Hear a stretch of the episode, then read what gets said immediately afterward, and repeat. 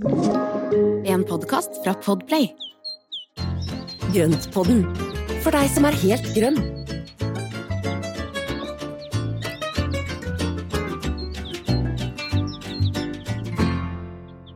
Hei, alle sammen. Uh, Espen og jeg ønsker stolt velkommen til episode 100 av Grøntpodden. Tenk Yes. på det. Hvem skulle trodd at vi skulle komme til 100? Ja, tenk på det. Så gøy. Eh, ja, hva skal vi si, ja?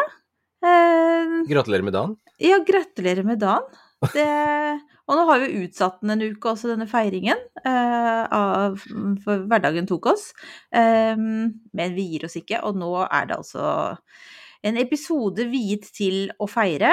Um, mm. Og så har vi liksom lurt på hva vi skulle feire, og så fant vi ut at vi, vi tar litt av hvert, vi. Fordi Ja. at eh, det er jo sånn Grønnpodden er. Det er jo masse forskjellige temaer, og så vi hvorfor ikke ta litt forskjellige temaer i løpet av eh, jubileumsepisoden. Pluss Altså ja takk, begge deler. begge deler.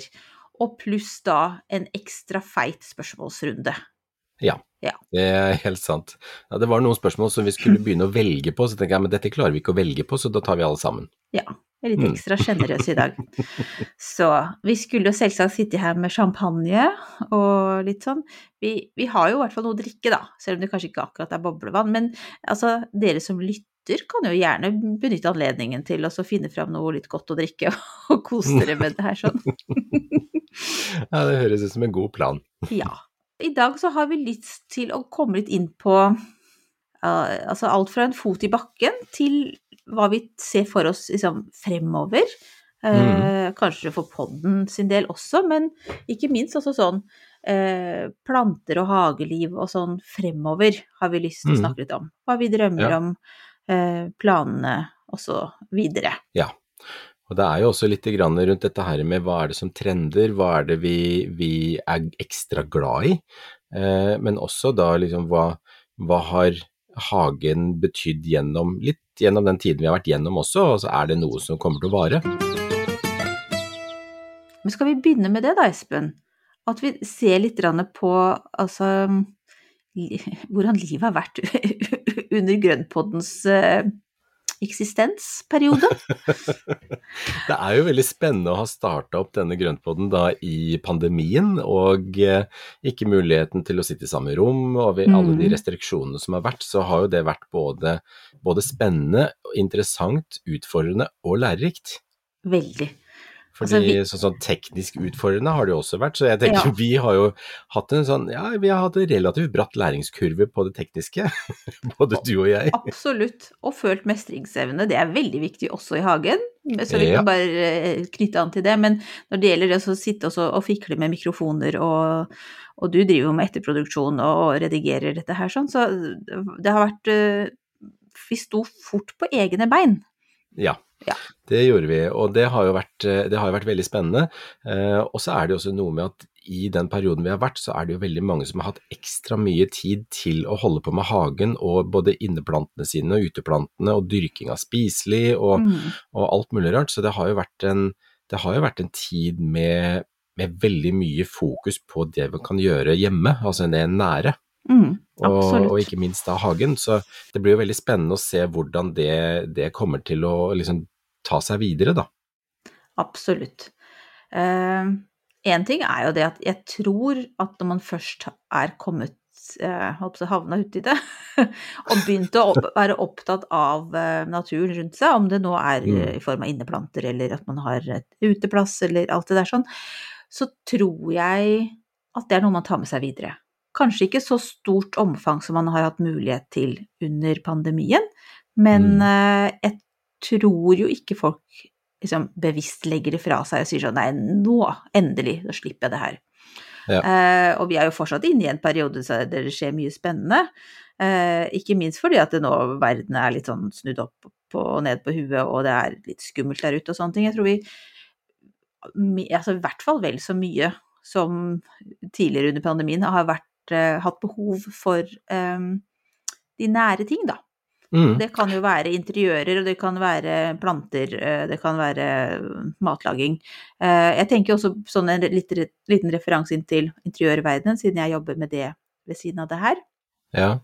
så ser vi jo nå at den engelske litt sånn eh, hyggelige, koselige interiørstilen slår jo mer og mer an, ikke sant? At vi ser at det dukker opp mer sånn frilly eh, lampeskjermer og litt en sånn altså litt Litt sånn frynser og dusker og sånn? Litt mer sånn, ikke sant. At den er jo i hvert fall veldig på vei inn. Og den har jo også noe litt um, trygt ved seg. Altså det er jo gjenkjennelig, og kanskje ikke vi i Norge har vokst opp med den stilen rundt oss, men vi, vi kjenner det igjen fra Agatha Christie-serier. Ja, sånn. Så det er noe som også vi til en viss grad assosierer med noe trygt.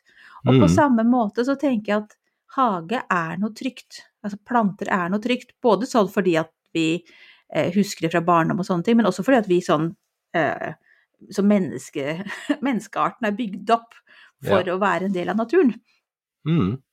Og så er det jo også noe med det grunnleggende i oss. Altså, vi, kommer jo, altså, vi er jo en del av naturen, vi også. Og, og vi er jo ikke skapt for å sitte foran en digital altså på å si, en, Sitte i en digital hverdag og bare se på en skjerm. Mm. Det er vi jo ikke laga for. Og det er jo noe med det å ta et steg tilbake og kjenne liksom naturen litt mer på kroppen, tror jeg er eh, mange som har fått smaken på. Og jeg tror også at det har vært over såpass lang tid under pandemien at det har blitt en mer sementert vane. Ja, absolutt. Slik at man da ikke, heller ikke kan gå tilbake. Jeg håper jo at flere har blitt bitt av basillen og fått enda grønnere fingre og enda mer mestring og enda mer lyst til å dyrke. Så det, Absolutt. det, det tror vi jo veldig på. Absolutt. Og over det hele så er det jo også klimaforandringene, som jo Mm. også gjør oss mer bevisst på eh, samspillet, eller mangel på samspill, mellom menneskearten og resten av naturen. Um, så jeg, ja, jeg, for å si det sånn da, vi tror at Grønnpodden har, har et liv også etter episode 100, kan vi si. ja, ikke sant. Vi håper jo det, da. Ja. Og, og så er det også noe med, med den, du sier den engelske stilen, og litt mer frodighet. Mm. Og det ser vi også på inneplantefronten, at det Ja. er jo liksom mye mer um, altså Vi snakket jo litt om det i en episode hvor vi da hadde inneplanter gjennom årtider, uh, og hva som var trendplanter og sånn. og det som jeg syns er ekstra gøy nå, det er at liksom alt er lov. Mm. For at vi samler litt fra de ulike epokene, som gjør at det, vi har veldig mye forskjellige planter som da har vært spredd utover historien, som, som populære i bare ulike tidsrom. Og nå er det veldig mye av det samme i, i vinduskarmen, og så er det samla i en stor smørje. Og det er Mm. kjempegøy, for at da blir det ekstra frodig.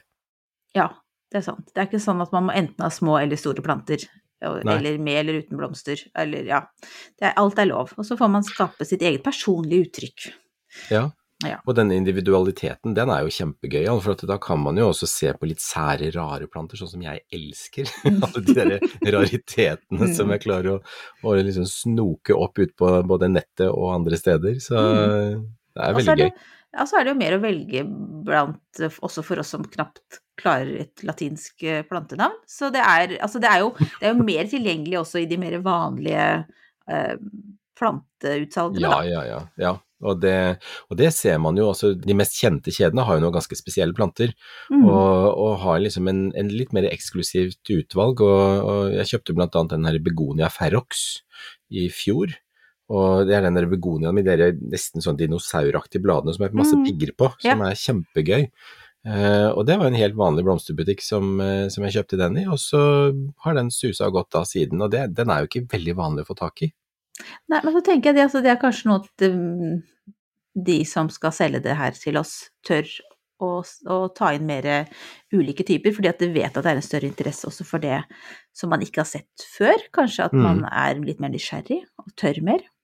Ja, det gjør jo at da utvalget blir større igjen. For at så lenge man da tør å kjøpe, så, eller tør å prøve, Mm. så, så gjør jo det at da produsentene også produserer opp litt ekstra av de plantene som er litt sånn rare.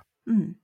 Og det her er jo på en måte, nå tenker jeg det vi har sagt til nå, er jo eh, en grønn tråd som går gjennom grøntpodden. Det der med å, å våge Du likte den? Den likte jeg. En grønt rør igjen og grønt Ja, ja, ja, ja, jeg er opptatt av detaljene i dette, dette jubileums... eh, i denne jubileumsepisoden, der skal det være fint, vet du. Nei, men jeg tenker på det, vi er jo opptatt av det der kontakten med naturen, ikke Mm. sant? Og det også å prøve å altså tilpasse oss hva som er naturlig for plantene våre da. Mm. Men også det, eh, en annen ting er jo det at man skal ha glede og på en måte kunne uttrykke seg sjøl og sin altså sine personlige preferanser, da, gjennom Mm. plantevalg, hvordan man har på uteplassen, inneplanter man omgir seg med. Så det er også noe med det der at det skal ikke være prestisje, det er ikke noe som er riktig eller er noe gærent. Eh, og også det der med at det er lov å prøve, som du sier. Det er lov å prøve seg på en plante man ikke vet så mye om. Da får man Mm. lese seg opp, man får sende en, en man kjenner som kan masse om planter, noen spørsmål, eh, og så er man i gang, liksom. Så det er jo det som vi Ja. Vi vil ha lave skuldre, vi vil ha at du opplever mestring og glede, og, og at det er et sånn fint fellesskap basert på det der sånn. Mm. Og det er helt, det er ikke noe konkurranse. Det er Nei. jo det som er så fint med det, og det er jo ingen som står og stiller store krav, eller at du, man må liksom gjøre ditt eller må gjøre datt. Det er bare liksom prøve seg ut og teste ut de forskjellige eh, plantenes krav da, og ønsker. ønsker. Uh, og så er det jo også noe med å se at ting gror. Det, det, altså I hvert fall for min del så gir det enormt stor glede. Ja. Uh, I en verden som kanskje kan være litt satt på huet, så er det det å kunne da oppleve at ting vokser og gror og trives hjemme, er jo veldig, veldig tilfredsstillende, altså. Mm. Det føles jo som en riktig del av naturen, eller av, Mm. si, av, av, eh, av livet, da. Det er jo Mm. positivt at det skjer noe som er At det ikke er noe som dør. Eh, Det er nok av sånne ting, så det er fint at Ja. noe som, som er fullt av liv, og det er jo plantene våre. Så sant vi ikke tar fullstendig knekken på dem, men da kan dere høre på alle de andre 99 episodene av Grønnpodden, så er det sikkert noen tips her. Men du, sant? jeg tenkte du snakka litt om trender, og du nevnte jo så vidt det var trender. Mm. Um, hva ser du for deg fremover, sånn mer sånn Hvis vi skal tenke mm, altså ikke på hva vi gjør med plantene, men hva slags planter vi vil ha? Har du noen sånne hete tips? Eller er det noe du har lyst på, da? Ja, jeg, ja, jeg snakker ut fra eget hjerte, jeg. Jeg Ja. vil gjerne ha mer av alt. Eh. Og det var trendekspert Espen Skarphagen som var veldig konkret. Litt diffust. Nei da, jeg bare tuller. Det, som, det som jeg eh, Altså, en sånn trend som har vært de siste årene, som jeg tror kommer til å bare bli enda sterkere og mer tydelig, det er at man da har et større mangfold. Mm. Eh, Det er også noe som jeg Altså, jeg er jo veldig opptatt av å ha mangfold for at det skal bli en større balanse i uterommet. Eh, Og det er også noe som, eh, som, som jeg både skriver og formidler og prøver å kommunisere i alle kanalene jeg kan. Fordi hvis vi har et større mangfold, så vil det ivareta flere insekter, flere planter, flere Egentlig mer av alt. Mm. Og det gjør også at hvis det er balanse i det, altså i det planteuniverset vi omgir oss med, så blir det mindre skadedyr fordi det er eh, dyr, altså insekter som spiser de andre insektene, at det, det blir en balanse der. Mm. Så jeg tror på den, eh, den eh, mangfoldsbiten, og at man da finner blomstrende vekster gjennom hele sesongen. Ja, ja. At vi blir mer tenker- fokusert på det. Ja. Mm. Eh, og da er det litt, litt eh, altså underordna hvilke planter som trekkes inn i dette, fordi det finnes jo ulike planter i forhold til klimasoner, i forhold til eh, jordsmonn, i forhold til hvor hagen egentlig er, eller balkongen er. Uh, men det er noe med å da få den derre mangfoldet og ha nok av de ulike sortene til at Mm. det blir en, et volum gjennom hele sesongen. For da på den måten så kan vi også ivareta insektene våre og pollinatørene. Og da også fokusere mer på hva som passer eller eh, fungerer på Mm. den, din, i ditt uterom, da. Jeg tenker at, det, at man kanskje må ha, komme bort fra at alle skal ha en vis- viss type eh, plante, eller altså alle, alle trenger ikke å ha et magnoliatre i hagen hvis det, det er veldig vanskelig å få det til å fungere der du bor, eller Mm. at alle skal ha georginer, da, hvis man syns det egentlig er litt for slitsomt å holde på med. At man kan Ja. finne andre ting som også fungerer, og som du sier, som gir den samme effekten. Eh, og det ja, for dyrene er og for oss. Ja, Og det er jo egentlig det som, eh, det som er, at og den sørger for den der mangfoldsbiten er viktig. Men har du noen tanker på, på planter eller på blomster som du tror på, eller har du Ja, nå skal jeg egentlig liksom si egentlig imot meg, da. meg selv, siden jeg nå sa at ingen trenger det. Altså, jeg tror at, uh, at det er langt flere som kommer til å være opptatt av roser fremover. Ja. Tror jeg. Eh, Og det, det er igjen, det er bare ut fra meg selv. Fordi at jeg Jo, men vet du hva, for meg så har roser vært veldig nært knytta sånn Jeg har forknippa det med, er jo disse svære røde rosene vi har foran ved verandaen, som Mm. absolutt ikke passer med resten av helheten der. Ja. Som jeg kjenner bare jeg snakker om det, at jeg er litt sint på, at de står der. Men de er, men de er, jo, men de er jo så vakre, så jeg har bare funnet ut at jeg kan ikke ta de bort, så de skal jeg nå plass, prøve å finne en annen bra plass på. Og ellers Ja. så synes jeg jo og det er kanskje ikke de rosene jeg er mest opptatt av sånn visuelt, estetisk. Mm. De hadde vært fantastiske i en brudebukett. Men du vet, det finnes jo så mye annet, og jeg har jo en sånn der rosegang, altså sånn bue på vei inn. Ja. Inngang, ene, ene av hageinngangene er jo det. Og sånne ting har jeg mye Jeg har så lyst på så masse sånne ting. Jeg har så lyst til å bli bedre kjent med roser. Og det er Ja. sikkert noen som sitter der ute og hører på der som tenker herregud, hagen min er full av roser allerede. Uh, men, jeg tror, men jeg tror at kanskje for mange av min generasjon så har vi ikke vært så opptatt av roser som foreldregenerasjonen min var. Nei. Men det kan, det, kan, det, det kan jeg skrive under på. Så det, jeg skrev akkurat et kapittel om roser til boka mi, og, og det er så Nå følte jeg det var helt gøy. Du sa det. Og det, og det var jo det var et kapittel som jeg holdt på å glemme, som jeg fikk, til, jeg fikk spørsmål tilbake etter språkvask, at det, liksom, det var noe som var savna. Mm. Og så bare tenkte jeg å filler'n, jeg har jo ikke skrevet om roser, og roser er så viktig for min del òg. Både mormor og mamma har alltid hatt veldig mye roser i hagen, og mamma klarer å tråle opp roser som jeg aldri har hørt om engang, som, som, eh, som hun da for pappa løper rundt og planter, og hun bestiller, så det er, en fin balanse der.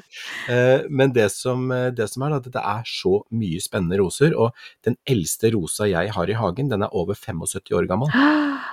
Åh, Tenk på det. fantastisk. Gud Og det er en rose som sto i oldemors hage, Mm. som da har vært hos mormor og morfar under hele mammas oppvekst, fordi mamma husker jo den rosa fra oldemors hage da hun var liten, og da var det allerede en stor busk. Mm. Og det er en rotekte, fylt, velduftende, fantastisk rose som dessverre ikke er remonterende, men den har lang blomstring. Mm. Og den eh, er altså så utrolig vakker, og den står her nå, og den, den fikk jeg grave opp eh, fra, fra huset til mormor da hun flytta i leilighet, og det er jo, ja, det er jo, hva er det da, 14 år siden eller noe sånt. Så siden det så har den stått i hagen her og blomstrer hvert eneste år. Gøy. Det er, ja, det er kjempegøy, altså. Jeg tenker også at roser er jo, hvis man skal tenke på pengeboken Pengebok heter det ikke, lommeboken sin. Lommeboken, ja. Så er jo roser også Så sant du sørger for at de passer inn i din herdighetssone og alt det der sånn, så er jo det ting som du har glede av i mange år fremover. Eh, Mm. altså ikke at jeg skal snakke ned frø, eller altså ettårige, men hvis Mm. man skal tenke på det, så er jo det en, kanskje en mer en fornuftig investering, da. Mm. Ja takk, begge deler. Ja, vi sier vel egentlig det, så det, vi lar det, den, akkurat den, der, den tanken ligge. Det er i hvert fall ikke det er- dumt. Det er ikke bortkasta penger. nei, nei. Ikke i det hele tatt. Men det det er litt sånn som i forhold til den engelske interiørstilen som du nevnte også, så Mm. er jo også de engelske rosene, eh, David Austin-rosene, Mm. er jo dyrket fram med tanke på at det skal være god duft, de skal være sterke, og de skal remontere. Og det betyr jo egentlig at ja, ikke, det er bare det er så det er utrolig fint. Og, altså disse Austin-rosene har så mange utrolige varianter. Du vet, det finnes jo er det 240-50 arter av roser? Oi. Det finnes mange, og så Ja. er det da ulike krysninger og Mhm. hybrider og et kontinuerlig sånn der, eh, altså foredlingsarbeid som gjøres, og det er jo enormt mye roser. Så eh, jeg har, jeg har dessverre ikke så mange, jeg har kan under ja, 14-15 ulike, men det er, det er nei, men, det, Jeg skulle gjerne hatt dobbelt så mange, eller mange ganger flere, Ja, men det ja. trenger mer plass, da. Eh, For de vil gjerne ha det lyst og litt varme og liksom litt luft rundt seg og sånne ting, Mm. så de trives jo ikke godt inneklemt i et bed med mye annet. Nei, nå skal jeg prøve skal jeg si. Jeg har altså da ikke noe som jeg har ordna sjøl, men jeg tror jeg har fire ulike. Mm. Veldig spredt rundt om. Nei, fem! Jeg har sånne Det er de som jeg Altså, det er liksom ingen Med unntak av den der rosebuen, så er det liksom ingen av de som jeg ville valgt selv. Det er det som er litt sånn synd. Å, men vet du hva, da må du velge deg uh, The Mayflower. The Mayflower. Det er en åstinrose som har nesten sånne kulerunde roser når den er helt utsprunget. Eh, eller Rose de Recht er også en utrolig sterk rose som har masse, masse duft. Ja, The Eh, Mayflower er jo bare fantastisk nydelig, da. ja. Eller Så vet jeg at jeg er veldig glad i litt sånn hvitt lyst. Litt Ja, sånn Eglantine er en svak, dus, tettfylt rosa en. Den er nesten Ja. over i hvitt. Ja, den, kan, den er innafor. tenker jeg da. Eller så liker jeg litt sånn, sånn, sånn beige krem, aprikos, den veien der også, da. Det jeg tenkte var at skulle prøve Chippendale! ja, Chippendale. Du vet at det er veldig vanskelig å spille inn pod og niskrive samtidig. Og tipsene- jeg får høre på det etterpå igjen. Men det jeg skulle si da, var at de som jeg liker kanskje Nei, altså de er sånn De er veldig små, veldig rosa. De er veldig søte. Mm. men de, de, de er liksom Altså, de står da langt nederst i hagen, så jeg ser dem ikke så mye. Det er Som regel så ser jeg dem når uh, rådyra, eller hva det nå er, som kommer inn på besøk, står der nede og spiser på dem. De er veldig glad i dem. filler'n. Ja. Men jeg kunne tenke meg å samle de i altså disse ulike eh, rosebuskene til ett sted, hvis jeg kunne klare å også kombinere dem sånn fargemessig på en eller annen måte, da, med noen bindeledd. Mm. Jeg har de dype røde rosene, og så har jeg disse hysteriske rosa. Akkurat de er litt sånn skeptisk til at passer inn i noe annet. Men så har jeg også Ja. en som er sånn, er sånn å, litt sånn lakserosarød. Som det er kult. også Den er litt fin. Så den kunne passe Ja. sammen med de dype røde, tenker jeg egentlig.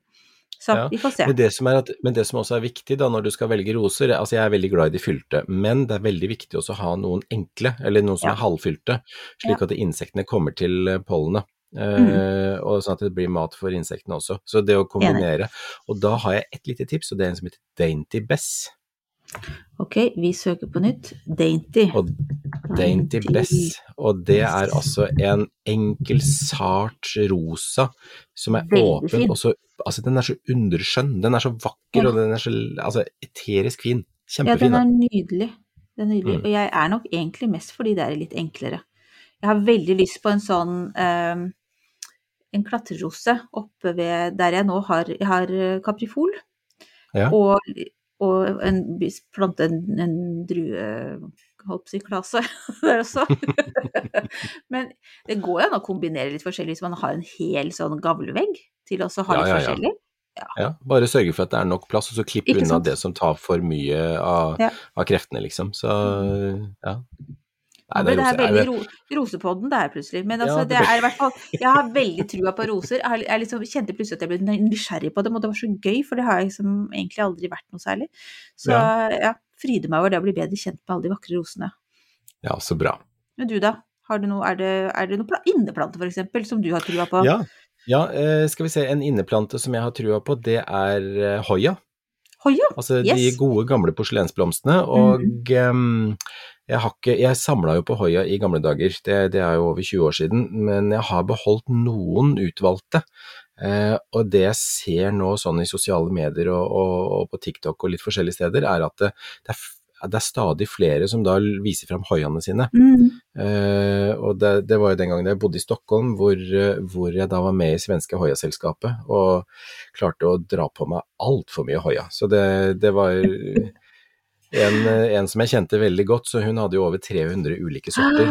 Eh, jeg hadde vel en, jeg vet ikke, kan det være 60-70 ulike, og jeg syns det var mer enn nok å holde styr på. Så nå har jeg kanskje 10-12. Eh, veldig, veldig sånne litt mindre vekster. Mm. Som, og mamma har jo fått et par store av meg, av disse imperialisene, som jeg ikke får til, og ikke har hatt plass til. Så hun, eh, hun har jo hatt de stående, og de blomstrer jo med Hver blomst blir rundt fem centimeter i diameter. Oi sann. Altså det er svære blomster, svære klaser. Wow. Eh, og da er det en vanlig imperialis, og så har hun også en imperialis alba, som eh, Mm. Jeg skulle ønske Ja, den er hvit. Mm. Så det var en uh, mutasjon som oppsto, og så har den da blitt dyrket videre. Så, så hoiaene de har jeg veldig trua på, fordi det er så stor variasjon på blader, stor variasjon på blomster.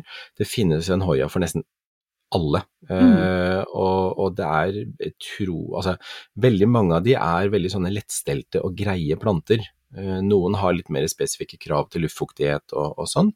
Eh, og så er det en så stor gruppe som, som bare kan boltre seg i. Og Mm. nå har jeg akkurat en engleriana som nå henger med knopper, og den har alltid fire knopper. To eller fire knopper i tuppen av hver grein. Og den, den er så, også kjempevakker. Mm. Apropos Hoia, fordi mm. nå, da, nå har vi da spådd, eller du har spådd at dette blir en stortrend. Kan du da si noe om noen For de er jo ganske lettstelte, egentlig. Altså, det er jo litt I hvert fall jeg har én. Mm. Ikke, ikke spør om det latinske navnet, men i hvert fall eh, Den har jeg hatt i mange år, arva den etter mamma. Og så helt sikkert Hoia carnosa. Det er den eh, vanlige, Vanlige. gamle, Ja, nok gamle gode. Mm. Og den føles jo veldig sånn robust og fin. Men du vet, den blomstrer aldri. Og det Nei. Gir den for mye vann, eller koser den seg for mye? Den, det kan hende at den har det litt for bra, for hvis du da gjødsler og vanner, og, og hvis den har det for bra, så er det veldig ofte at den fokuserer på vekst fremfor blomstring. blomstring. Mhm. Uh, så det å la den få tørke litt mellom hver vanning, uh, ikke gi den for mye gjødsel, uh, det kan være lurt. Og så er det en del av disse hoiaene som også styres, altså blomstringen styres av daglengden. Ja. Så det betyr at den blomstrer jo da på, på altså den kan jo være to ganger i året, hvor dag og natt da har omtrent den samme, samme lengden, da. Mm. Da vil de kunne finne på å sette knopper. Så, men jeg har jo en, en som heter Pausiflora, som har enkeltblomster, så ganske store hvite, som jeg har venta på nå i fire år, for at den morplanta eh, ble dårlig, så jeg tok ny stikling, satte, Mm. satte i gang på nytt, og den vokser fint, men den har ikke kommet på blomster nå på fire år. Så nå bør den, nå bør den begynne å levere, altså. ja. Du krever effektivitet. Du blir streng. Nei, men Hoia i hvert fall, da, om du nå ønsker å ha blomster eller ikke, så er den jo vakker. Den er Mhm. jo, den er jo Det er en frodighet og mm, Ja, jeg syns jeg, jeg liker også veldig Bladverket er kjempefint, syns jeg. Mm. Og kjempevariasjon. Ja.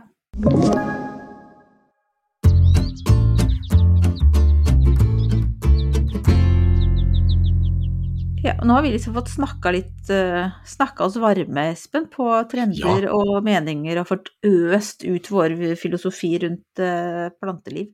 Eh, Veldig deilig følelse. og hvert fall, hvert fall, ja, ikke sant? Og i hvert fall kommet med egne ønsker om fremtiden, tenker jeg. Mhm. Det er, det er viktig. Ja, kjempeviktig. Og jeg ser Det kan jo hende at vi kan være med på å sette noen trender òg, da. Hvis, altså, hvis vi kommer med noen forslag som folk der ute syns er gøy, Ja. så tenker jeg at det kan være kjempegøy. Og, og jeg syns jo Det er faktisk en ting som jeg syns var veldig morsomt i, i Det er jo snart et år siden, hvor vi snakket om julekaktus. Mm, ja. Eh, og da i etterkant av det så var det veldig mye av Det er sikkert fordi vi kjenner jo og følger og, og en del av de som hører på oss, som, men da var det mer snakk om julekaktus. Og det var jo jeg var, var det Sjøstrand gartneri ute på Vollen i Asker som delte ut eh, julekaktusstiklinger. Veldig hyggelig gjort. Og det er Ja. så gøy, og det er jo Ja. så morsomt når man da kan være med oss og få dratt noe sånt i gang. Mhm. Så det, det syns vi er kjempegøy. Så nå forventer vi enorme rosebed og masse hoier overalt. ja, men det er jo litt gøy da, hvis vi kan minne om ting som kanskje man har ikke tenkt så nøye på, og hente det fram igjen. Mm. Men, Men men du, jeg må bare si én ting om hoia. Det er jo faktisk en av de mest rampete tingene jeg har gjort. Det var jo der jeg fant en hoia på et tre på en strand på Pipi Island i Thailand i 1998. sier du den- årstallet for at du skal nå si noe som er ulovlig, og derfor så har du forelda Nei, men det, har gått, ut- det er forelda, det har gått ut på dato. okay, Men den står fortsatt i min vinduskarm, og den blomstrer jo hvert eneste år og har altså de flotteste blomstene, Mhm. fantastisk duft. Og, så jeg mener, det mener jeg å si at de hoiaene kan også bli steingamle. Ja. Mm. Det var bra. Det Det, liker vi eh, også. vi var, vi var egentlig ferdig med en men også en god investering, da, kan vi si. Ja, ja, ja. Ja. God investering. Men det vi tenkte vi skulle bare avslutte denne jubileumsepisoden med, var jo det også å svare på litt spørsmål som vi syns eh, ja, er litt aktuelle nå. Mm. Det skal vi gjøre, og det var jo her vi ikke klarte helt å velge, så vi tok eh, alle tre. tok alt, vi. Mm. Hvem skal vi begynne med da? Jeg tror vi begynner med eh, høstspiring, jeg. Skal vi gjøre Ja. det? Ja. For her har vi altså fått et spørsmål om eh, Det er en som bor i Oslo, i klimasone 3. Mm. og som lurer på Fordi at han ser at uh, en del av løkene han har satt, allerede er 4-5 cm over bakken i midten av november, som han skrev det her. Uh, og til og med eh, løk som har blitt plantet ganske seint i oktober, har nå begynt Mm. å spire. Uh, og han lurer da på hva som skjer med dem. Altså vil, skal vi se, uh, bør jeg ta inn dem? Men de bor jo i bedet sitt allerede, som sier. Eller kan løkene overleve selv om de har spiret allerede? Vil de i så fall ha krefter til å spire på nytt til våren? Bør jeg gjødsle dem før våren i så fall? Ja, det var det. Ja. Uh, og det er egentlig et veldig godt spørsmål, fordi det er jo noe som skjer nå med den der milde høsten vi har hatt. Det er Mm. at den har satt i gang en del vekster som da har begynt å spire, de har satt røtter, de er egentlig i gang for sesongen. Uh, de altså så lenge spirene ikke er lengre, så vil de tåle ganske mye. Men hvis det blir mye barfrost, så kan det ødelegge også de, de små skuddene. Så det er en sånn utfordring og, og spennende å se hva som skjer. Mm. Det vi kan gjøre for å hjelpe til, det er også å samle løv. Samle godt med løv og dra legge over løv slik at det ligger godt innpakka med løv. Mm. Når det nå, nå er det meldt kaldere til helga, sånn at det er jo meldt kaldere fremover. Så da vil det jo bremse veksten også. Så det er jo varmen som får veksten til å gå. Så jeg ville ha rakt sammen løv, brukt løv og så dekket over og laget små hauger der hvor du ser at de har eh, kommet for langt opp av bakken. Mm. Ja, Og så det- til våren så fjerne det løvet slik at de får luft så fort som mulig når de tiner opp igjen. Ja.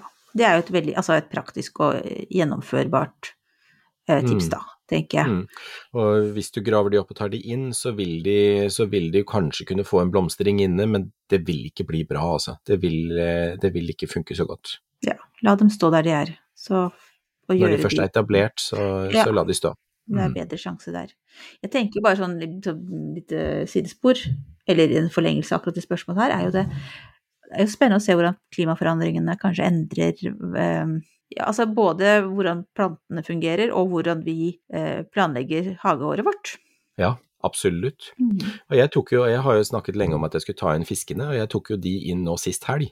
Så Oi. de kom jo inn nå i nesten midten av november. Mm, så de, så de, har jo, de har jo plutselig fått en, en ekstra måned nesten ute, så det er jo og De ser superfine ut nå inne i tanken, så det er liksom ikke noe stress med det. Nei, nei, nei. Mm. Nei, men det er jo det. Det, sånn, det her kunne vi nesten laget en egen episode om. Da burde vi hatt en ekspert, tror jeg, Espen. Ja, det må vi ha da. En klimaekspert. En klimaekspert. Skal vi se, videre til neste spørsmål. Det er Camilla som skriver veldig mange hyggelige ting her, så vi Mhm. bare skal holde for oss selv, for ikke å virke skrytete. Men hun lurer i hvert fall på Tusen takk. Ja, vi sier tusen takk også. Hvorfor kan noen stilker, klarte ikke å lese det ordet engang, stilker visne gradvis fra toppen og ned? Har opplevd dette flere ganger, nå sist på et sitrontre jeg har sådd selv. Klipper av det visne, men da bare forplanter det seg lenger ned. Hva gjør jeg feil? Mm. Det er ikke godt å si. Eh, hvis jeg skal være helt ærlig, så er, kan det være forskjellige ting. Det kan være for lite lys, det kan være tørr, altså tørr inneluft hvis den Mm. står inne. og Kombinasjonen av lite lys og tørr inneluft kan skape problem. Eh, og så kan det også være et angrep av noe sopp, eller det kan være noen sånne ting som da angreper skuddspissene, og da kan det gå innover.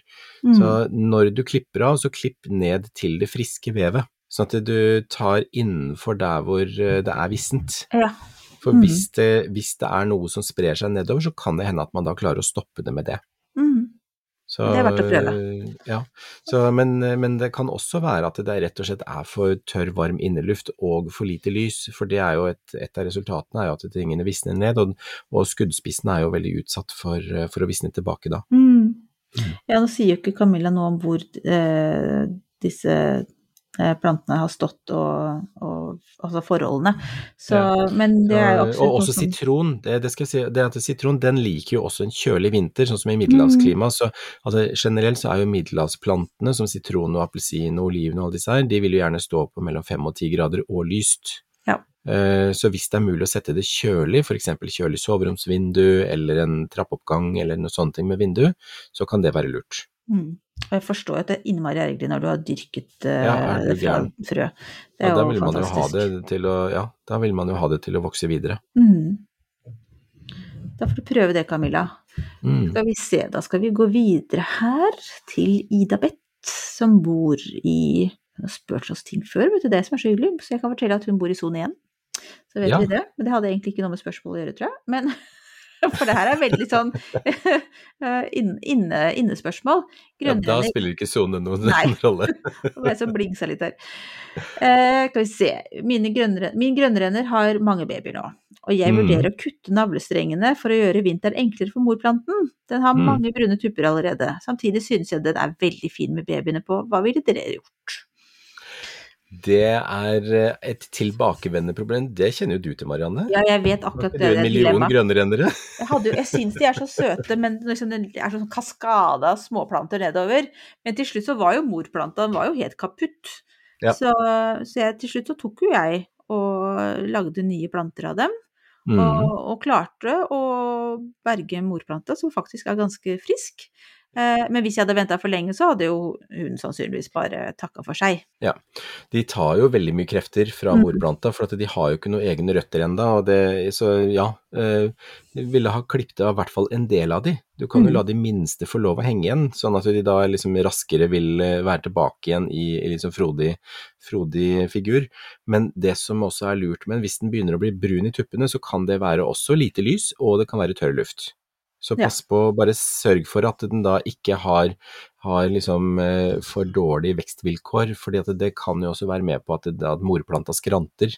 Mm. Eh, og det ser jeg jo her også, at grønnrenneren den får ofte litt brune tupper på vinteren når det blir tørt og mørkt. Ja. Så, og at den da ikke henger i nærheten av noen varmeovner og, og sånne ting, for det er jo noe som, eh, som de fleste plantene ikke liker. Kan det hjelpe å spraye med noe vann rundt den, eller noe sånt da? eller? Det kan hjelpe, men jeg, det, altså generelt så vil da dusjing med vann egentlig bare være en sånn kortsiktig greie. Mm, ikke sant? Så Ja. det vil ikke hjelpe over tid, men det man kan gjøre er å sette flere planter sammen. At vi setter, altså gruppere plantene, som vi har snakket litt om før, Mm. og så sette de sammen i en gruppe, for da vil jo de i fellesskap eh, skape større luftfuktighet i det området de er, for da alle skiller ut litt grann fuktighet. Mm. Smart. Det er sånn at når vi står tett sammen, vi mennesker, så svetter vi litt mer. Ja, da får vi varme fra hverandre. Ja. Mm. Og mye penere måte å si det på, Espen. Takk for at du redda meg inn der. Eh, Du får klippe bort det jeg sa. Ja. Eh, jo, og så er det en elegant Men det her er jo egentlig en elegant overgang, for at jorddekket på inneplanter passer jo litt sammen med hvordan vi eh, steller med inneplantene våre nå. For her er det Lillian som da lurer på hva vi gjør eller tenker om jorddekket på inneplanter. Synes å huske at man før i tiden, på 80-tallet kanskje, dekket jorden til grønne inneplanter med lekakuler. Jorden til inneplanter bør jo være god den også, men vanskelig med nedbryting i jorda inne, og gjødsling med naturlig gjødsel uten å få lukt. Hva Mm. er lurt for å få en naturlig god jord inne?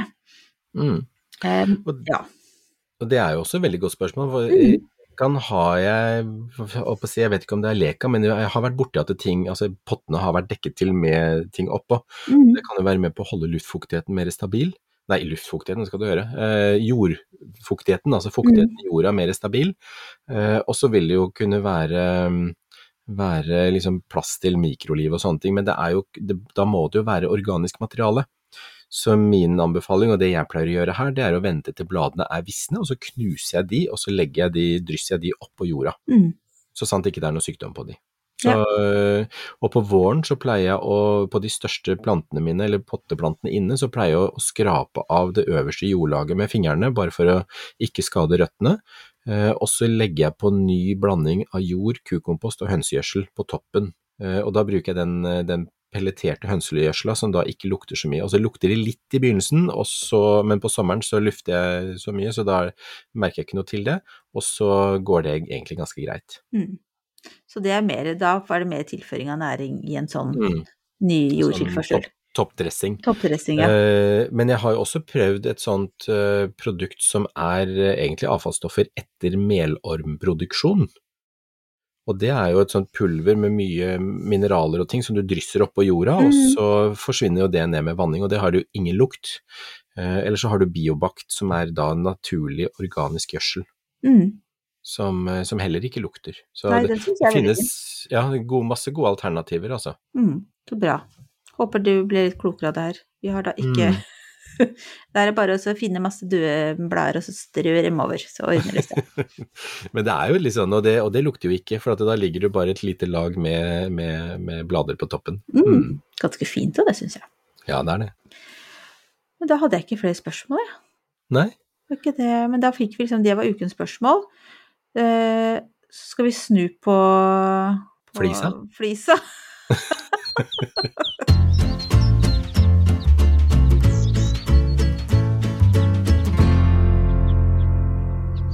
Da snudde vi på flisa.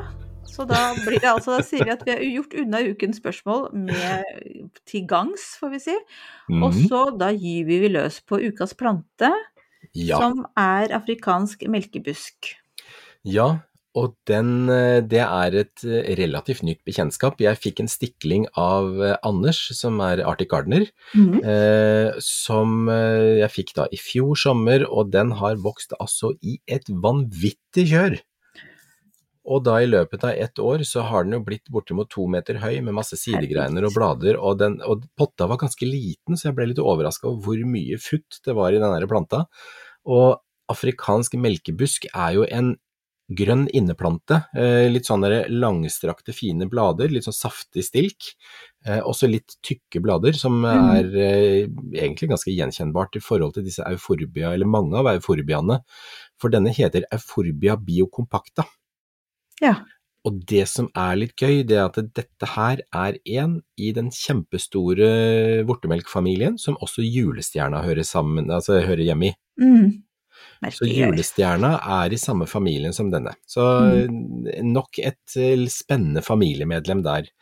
Så jeg tok jo nå og hogde den ned til ca. en halvmeter, klippte sidegreiner inn, og så har jeg planta den i ny potte med ny jord, og så har den begynt å skyte som rakkeren igjen. Ja. Så den er veldig vekstvillig, altså. Ja, Kjempegøy. Livskraft. Herlig. Mm. Så, og det er egentlig bare å ta en bit toppskudd, bit av en stamme, stikke jord, og så vanne, og så setter den røtter og kommer i gang. Så det er superenkelt. Mm. Og det er en veldig sånn frodig inneplante som gjør mye ut av seg, for at den vokser fort, den dekker mye og blir veldig sånn eh, raus. Ja, den ser kjempeherlig ut. Jeg er bare så imponert at den ble to meter. Det er det gikk så fort. Ja. For, at den, eh, for den, den sto i vinduskarmen i det store stuevinduet mitt, og den plutselig vosj, så var den oppe på toppen der. Og så måtte jeg sette den på gulvet, og vosj, så var den oppe på toppen igjen. Og da måtte jeg stå liksom og strekke meg for å nå opp til toppen på den. Så da var det bare å klippe den ned. Og det som er at den tåler klippinga veldig godt, sånn at den Mm. skyter bare nye skudd. Så kan man forme den på den måten. og jeg har jo sett bilder på nett hvor jeg ser at de har liksom klippet den tilbake mange ganger, og da får den en sånn skikkelig fin, sånn nesten barkete stamme. Oi, Og så kan man få etablert en krone på toppen av den, Mm. og da, da blir den jo ekstra gøy, altså. Personlighet. Ja. Det blir spennende å følge utviklingen til melkebusken din, altså. Ja, du skal få en av meg. Oh, herlig. To meter. Derfor bare bygge ut. Bygge oppover. Ikke sant? Ja, ikke sant. Da skal vi også denne episoden ha et spørsmål om hva vi gjør nå, syns jeg. Du har Jo, men det kan vi gjøre. Hva gjør du nå, Marianne? Ja, akkurat nå så sitter jeg her og så snakker med han Espen, da. Ja, nei, eh, hva jeg gjør så de har Vet du hva, altså jeg må jo si at eh, det blåser sidelengs, og det regner. Så det er liksom Nå er det veldig hyggelig å sitte inne og se litt ut på høstløv også. Inne, innevær. Så det er litt sånn innehageperson. Nei, men Ja. vet du, skal jeg fortelle hva vi gjør aller mest i hagen for tiden? Det er å spille boll på denne ballbanen Ja. vi lagde nå i høst. Det er blitt veldig populært, altså veldig morsomt. Og det, hele den delen av hagen har liksom plutselig fått mye mer liv i seg. Det var alltid det litt skumle hjørnet, syns jeg. Jeg er jo da både mørkredd og veldig har masse fantasier, så jeg syns jo alltid det var litt skummelt. For at der står, står det som en sånn bauta, en sånn svær stein som, som de fant ut på åkeren for altså, jeg vet ikke, 150 år siden eller sånne ting. Så Oi. den, den liksom, den står inne blant trær og sånne ting i det området der. Uh, og den er litt sånn majestetisk. Men som sagt, hvis man har god fantasi, så kan det være litt skummelt å gå rundt der. Men nå så står den der ved siden av den banen og ser bare veldig fin ut. Så da rusler vi ned gøy. dit. Ja. Så der, der har vi lagt litt sånne stepping stones, eller sånne små Ja. sånne skiferheller som vi kan gå på. Og så håper vi at det liksom skal vokse opp mellom disse steinene, så det blir som om man går gjennom en liten eng, eller ja. Men så utrolig gøy når man da kan få en del av hagen som ikke har vært i bruk, til å bli et funksjonelt område Mm. og et sted man bruker mye. Mm. Og Så altså med enkle midler, for å si det sånn. Det er masse Ja. grus og stein og sand og litt eh, noen kanter rundt, og så mm. er den der, og veldig koselig. Ja, kjempegøy. Og du da, Espen, har du lagd deg noen bane i hagen? Jeg har ikke plass til ikke bane. plass. Jeg skulle gjerne hatt det, og jeg skulle gjerne hatt plass til grønnsakshage og Mm. kjøkkenhage og vet ikke hva. Nei nei, egentlig så er jeg fornøyd med det jeg har, jeg også, fordi det er såpass uh, mye forskjellig å holde styr på. Ja, Men eh, Ja, men takk. Jeg har, eh, jeg har akkurat fått inn fiskene, så nå er det, og så driver jeg nå fortsatt Jeg har ikke tatt inn alle georginene ennå, så jeg, det står nå Denne helga her så må jeg få de inn. For at nå er det meldt frost, og Mm. nå begynner det å bli kaldt. Så jeg må mm. ha inn georginene, og så må jeg ha de siste løkene nedi i jorda. Eh, og så skal jeg fjerne løvet på gresset der hvor det ligger for tjukt lag. Ok. Ja. Fordi der eh, Altså, det er fint å ha litt løv på gresset, og det, man kan kjøre over med gressklipperen og hakke det opp sånn at det da drysser nedimellom, men blir laget for tjukt, så kveles gressrøttene i løpet av Mm. vinteren. Ja. Så, så jeg kommer til å For at ginkgoen min har kasta enormt mye blader, og de er, de er ganske tunge blader, så bare boff, så detter de rett ned. Og så ligger det da fem centimeter tjukt lag med ginkgoblader. Så den, det må jeg ta bort, og så, og så skal jeg bare rydde litt sånn småtterier og få inn krukker og ja. Det Mm. er litt sånn småtterier å pusle med. Ja. Mm. Ja, vet du, vi har lagd Eh. tipi til, til fiken, eh, det ene av Å, ja. For det andre Ja. står fortsatt med blader, så jeg tenker jeg venter helt til alle blader er borte, og så lager jeg tipi. Ja, Så nå kjempespennende. Ja, så Jeg er veldig spent på hvordan den klarer seg gjennom vinteren, altså. Ja, det er jeg også. Men jeg tror det er det luneste hjørnet som vi har på gården. Så sånn sett så, så bør eh, forutsetningene være der. Men du har jo klimasone ingenting, da. Ja, jeg har vel Det jo Og, derfor så skal jeg fortelle en annen ting, at jeg har ikke tatt opp en eneste knoll av georginene, og jeg har tenkt jeg skal eh, teste om det fungerer. Det er, jeg later som det ikke er latskap, men det er en solid dose latskap der òg, kombinert med vær og vind. Men jeg tenkte på det, for vi har snakka om det en gang, at, at sånn som i England og sånn, så er det mange som bare lar de stå i Ja. bakken. Så Men har dere okay. tele i bakken? Har dere et frost som går ned i bakken? Nei, det tror jeg ikke vi hadde i fjor, i hvert fall. Så Men at jeg skal Maria- rase ut i tilfelle det blir minusgrad. Altså, vi, vi har jo minusgrader, men det er. Ja. Så sitter jeg setter opp telt, så sitter jeg med hårføneren. Ja, nei, men eh, jeg tenker at jeg kan prøve det for oss alle. Mm. Kan jeg se om det fungerer. Altså, Hvis ikke det blir frost i bakken, det kan jo være hvis det er fuktig eller for fuktig, så vil det Mm. kunne råtne. Det er jo, Råte er jo, kan jo være et problem. Ja, det Men- mm. Men hvis ikke det er tæle i bakken, så skal jo røttene kunne være intakte. Så det du kan gjøre, det er å rake opp en fin sånn løvhaug over alle, eller over i det bedet hvor georginene Mm. står. At du da, hva er det, mulching, er det ikke det de kaller? Når du Jo. liksom hiver på liksom løv og brask og rusk og rask Mm. på der hvor de ligger. For det vil jo også kunne opprettholde noe varme når det komposterer. Ja. Og dermed så blir det jo ofte frostfritt. Ja, men det skal jeg gjøre. Kan det fungere med Mm. halm? Ja, absolutt. Ja, Halm er fint. Vi har jo et loft fullt av halm. Ja, og så legge ut godt med halm over, og så kanskje noen blader på toppen bare for å holde det stabilt. Mm. For at de er jo litt fuktige og litt mer tyngdige. Og så Jeg ville kanskje lagt på et lag på en 10-15 cm, jeg. Ja, ja. men da gjør jeg det. så legge det over, og så, og så vente på våren. Herre min, det blir spennende. Det blir veldig spennende. Eneste jeg frykter, er jo sneglene. Som er jo veldig glad i alle spede georginevekster. Så det er jo det som blir Da får vi legge inn en innsats da. Men da er det varmere ute, så da kanskje jeg er Ja. mer eh, interessert i å Nei, men jeg tenkte det kunne være gøy. Jeg prøver dette, folkens, så får vi se hvordan det går. Ja, så bra. Ja. Men du, skal vi avslutte med å fortelle at vi har fått en utfordring? Ja, Vil du det? Eller vil det du kan jeg godt den? fortelle. Ja. Nei ja. Nei, vi har tenkt på det som neste episode. Ja. Eh, Det er to ting vi skal fortelle nå. Det ene er at eh, nå pga. at det er liksom lavsesong, det er vinter, det er eh, litt mye å gjøre for både deg og meg. Eh, Jeg er innspurt på bokprosjektet mitt. Og du har jo fulgt opp hjemme hos deg, og da har vi tenkt at vi kommer til å legge opp til annenhver uke fremover. Jepp. Slik at vi da får litt grann pusterom, for at vi bruker jo fritida vår på dette her, og, og, og den, det er ikke så mye fritid igjen akkurat nå. Så opp mot jul, Mm. det, det merker vi jo begge to. Så, så vi kommer til å da legge opp til annenhver uke, og så, og så kommer vi da nå neste episode kommer vi med en utfordring, eller vi fikk en utfordring om vi kunne da komme med våre topp ti drømmeplanter, eller topp ti planter, inne og ute. Mm. Så det betyr at vi skal hoste opp 20 planter hver. Hva syns du om det, Marianne? Vet du hva, altså jeg føler at eh, min ignorans i, planteverden er et stort, eh, stort eh, hinder for å få til den lista. Men det er jo ikke det. Men det er mer det at må, nå må jeg faktisk gjøre den jobben med å finne ut hva de heter. Mhm. Jeg har jo absolutt nok planter oppi huet som jeg har lyst til å, å, å, snakke varmt om, men jeg må bare Ja. finne ut de ordentlige navnene, ikke sånne navn som jeg har lagd. Men jeg tipper at det, altså vi skal jo ikke samkjøre dette her, så jeg, jeg tipper at vi kommer til å ende opp med en god del av de samme. Det Det gjør kan vi jo helt sikkert. Det, vi, er, vi er jo samkjørt, så det, det tror jeg. Men eh, det tror jeg kan bli en eh, morsom episode, så vi kommer til å da komme med topp ti eh, inne- og uteplanter. Og da er det bare å, å gjøre seg klar med penn og papir og fylle på ønskelista si. Ah, det blir gøy.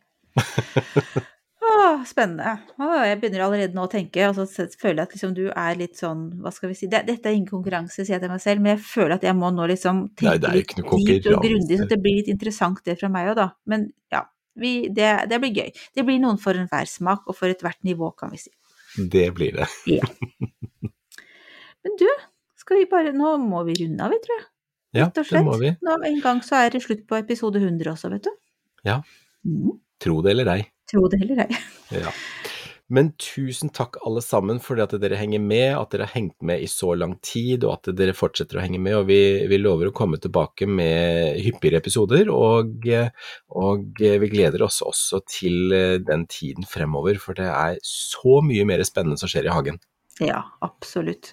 Eh, takk for som Espen sier, tusen takk for at dere gidder å høre på oss. Det er jo stas hver gang, og vi har det kjempegøy med det her. Mm. Det er bare det at det, noen ganger så blir det litt mye oppi Mm. hverdagen med denne uh, grøntpodden-hobbyen vår. Eh, ja. Og så tenker jeg at vi har jo fortsatt ikke gitt opp drømmen om flere avleggere og flere søndagsgjester. Men det får vi Nei, ta etter at Espen har kommet seg opp av bokkaoset. Kjempefint. Tusen takk for i dag. ja, ha det bra alle sammen. Ha det.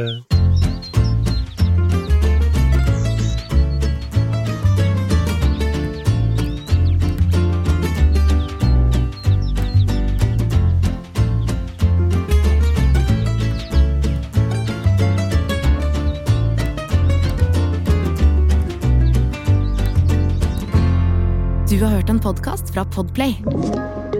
En enklere måte å høre podkast på. Last ned appen Podplay, eller se podplay.no.